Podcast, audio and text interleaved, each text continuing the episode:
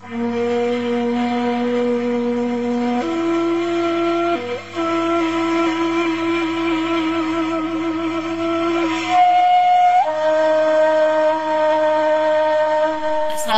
warahmatullahi wabarakatuh. Hai semua Ketemu lagi dengan saya Novi Yulia. Selamat datang di podcast saya. Podcast ini berisi segala gagasan saya tentang budaya, sastra, dan karya sastra. Podcast ini juga ditampilkan di channel YouTube saya, Curito Matul. Jadi silakan datang dan nikmati video-video lainnya. Jangan lupa like, comment, and subscribe.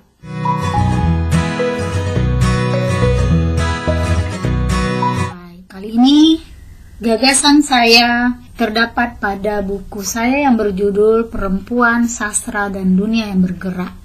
Buku ini diterbitkan oleh penerbit Arta Purna Persada, so jangan ketinggalan podcast saya ya. Kali ini judul gagasan saya, kontak jodoh ketika perempuan menarik kembali kuasa patriarki. Pada tanggal 14 November 2010, Kompas menerbitkan rubrik pertemuan. Pada rubrik ini kita jumpai beberapa pelanggan yang memberikan informasi diri dengan tujuan mendapatkan jodoh. Rubrik ini tepatnya rubrik kontak jodoh yang tersedia setiap hari Minggu. Menariknya, salah satu pengguna jasa rubrik ini adalah gadis Minang. Dalam rubrik pertemuan ini gadis Minang 34 150 per 70 Islam S1 wira swasta sabar jujur setia tanggung jawab penyayang perhatian pengertian apa adanya, sehat jasmani ruhani, senang baca, serius, siap nikah, pangeran.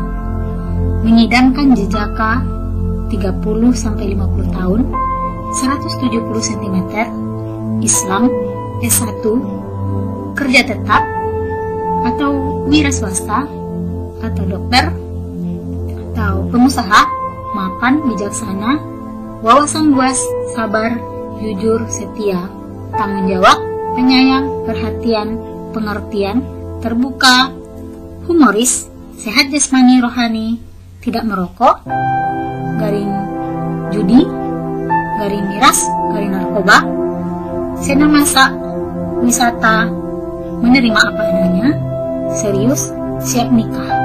Secara konvensional, masyarakat kita masih menganggap perawan tua sebagai perempuan bagi perempuan berumur 30 tahun ke atas jika belum menikah. Hal ini membuat perempuan-perempuan punya target umur dalam menikah. Namun tidak semua orang rencana masa depannya berjalan mulus seperti perempuan di atas.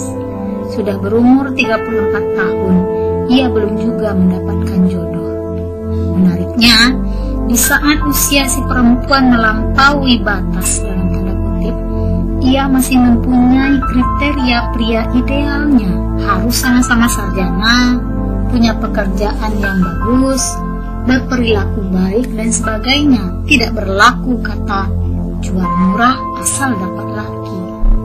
Fenomena pengiklanan diri gadis Minang ini tak saja menjelaskan kekacauan tata sosial Minangkabau yang memang telah diakui banyak orang. Tapi lebih dari itu menunjukkan sebuah degradasi emansipasi serta peneguhan kuasa-kuasa patriarki atas diri mereka. Padahal dalam sejarah perempuan di tanah air, perempuan Minang tidak saja menjadi pionir, bahkan sebagai simbol dan fenomena gerakan. Sesungguhnya kontak jodoh menggunakan jasa media seperti ini kita temui semenjak tahun 1970-an di surat kabar haluan minggu misalnya setiap pelanggan akan memberi judul dari informasi diri itu.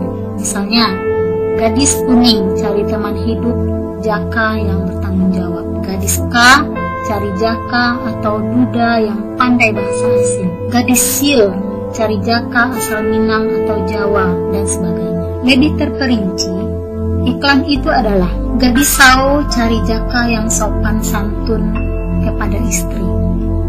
Seorang gadis usia 22 tahun pendidikan SGTK agama Islam asal Minang, rambut sampai pinggang agak ikal, kulit sao, ingin mencari teman hidup seorang jaka yang berusia antara 25 sampai 30 tahun, bertanggung jawab, sopan santun kepada istri, berwibawa, sudah bekerja sebagai pegawai negeri, tinggi 160 dan beragama Islam. Surat-surat perkenalan pertama via red dengan kode Y108KJ4 haluan 6 Oktober 1974. Membaca keinginan perempuan-perempuan pencari jodoh pada tahun 1970-an tidak jauh berbeda dengan perempuan zaman sekarang dalam mencari laki-laki ideal, bertubuh proporsional, berkepribadian baik, namun mereka lebih menyukai laki-laki kalangan pegawai negeri sipil. Hal yang jamak hari ini, keinginan itu dipengaruhi pola pikir pasca berarti pegawai negeri dianggap pekerjaan aman dan punya masa depan jelas. Mencari sendiri jodoh bagi perempuan Minang klasik tidaklah lazim. Mencari jodoh menjadi salah satu tanggung jawab mama terhadap kemenakan. Secara adat, masyarakat Minangkabau memahami dan menjalankan itu. Perempuan tidak bisa menentukan masa depannya sendiri. Sampai akhirnya, tahun 1911-an terjadi berbagai gerakan oleh perempuan Minang untuk membuat dirinya bahagia tanpa kekuasaan laki-laki. Perempuan menjadi tokoh sentral dan bahkan mampu menyamai laki-laki. Rahmah El Yunusiah mendirikan Diniah Putri, Rohana Kudus, Hadisah, dan kawan-kawannya membentuk perkumpulan kerajinan Amai Setia yang tujuannya demi kepentingan mengangkat derajat perempuan dan lain-lain. Lain lagi dengan gerakan Dayana perempuan dari Kotu Gadang. Dayana ngelaman adat yang mengatur perempuan dilarang menikah dengan laki-laki di luar Kotu Gadang. Sementara aturan itu tidak berlaku bagi laki-lakinya. Dayana memilih jodohnya sendiri. Pilihan itu jatuh pada laki-laki Jawa karena perkawinan terlarang Diana dibuang tingkarang. Dibuang sepanjang adat dan membuat malu keluarga. Perlawanan Diana ini menjadi inspirasi bagi perempuan-perempuan Koto Gadang bahkan Minang kemudian. Apa yang dilakukan oleh Rohana CS menunjukkan sebuah laku gerak yang berusaha menepikan kuasa patriarki atas dirinya.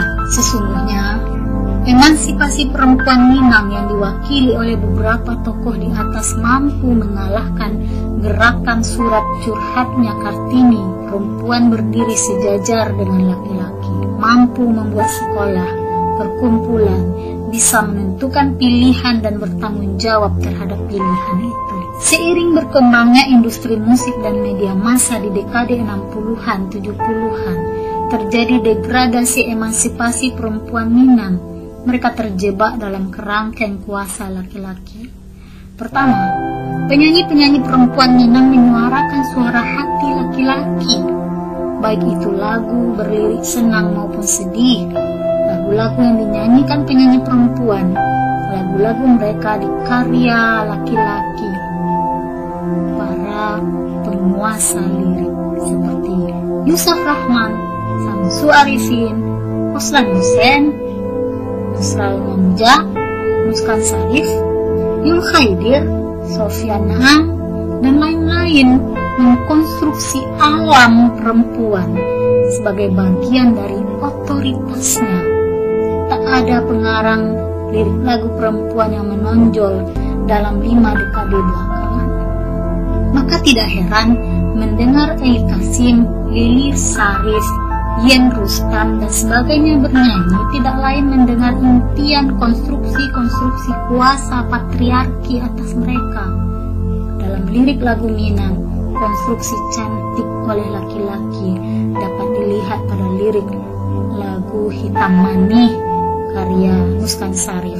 Asam kandih, asam kapeh, bau dari koto tanga, hitam manih, jiko mangame, manjalino cugulo saka, mambuek den haruk came, si hitam manih, asam kandih, asam balimbiang, tengah para banyak batangnya, hitam manih, rambut karitian, tambah rancak dan langsung. Kuasa patriarki dan konstruksi cantik adalah perempuan-perempuan berkulit hitam manis, berambut keriting, dan berusung titit. Sementara saat ini cantik bagi laki-laki adalah perempuan berkulit putih, rambut lurus, dan berjidat licin. Kedua, pada tahun 1970-an, berbagai media cetak membuka ruang bagi perempuan yang ingin mencari jodoh. Melalui kontak jodoh, perempuan mendapat ruang menentukan pilihan hidupnya. Namun, ruang itu pun ruang yang disediakan laki-laki pada era globalisasi ini, di mana katanya perempuan telah mendapat kebebasan di berbagai bidang termasuk dalam mencari jodoh.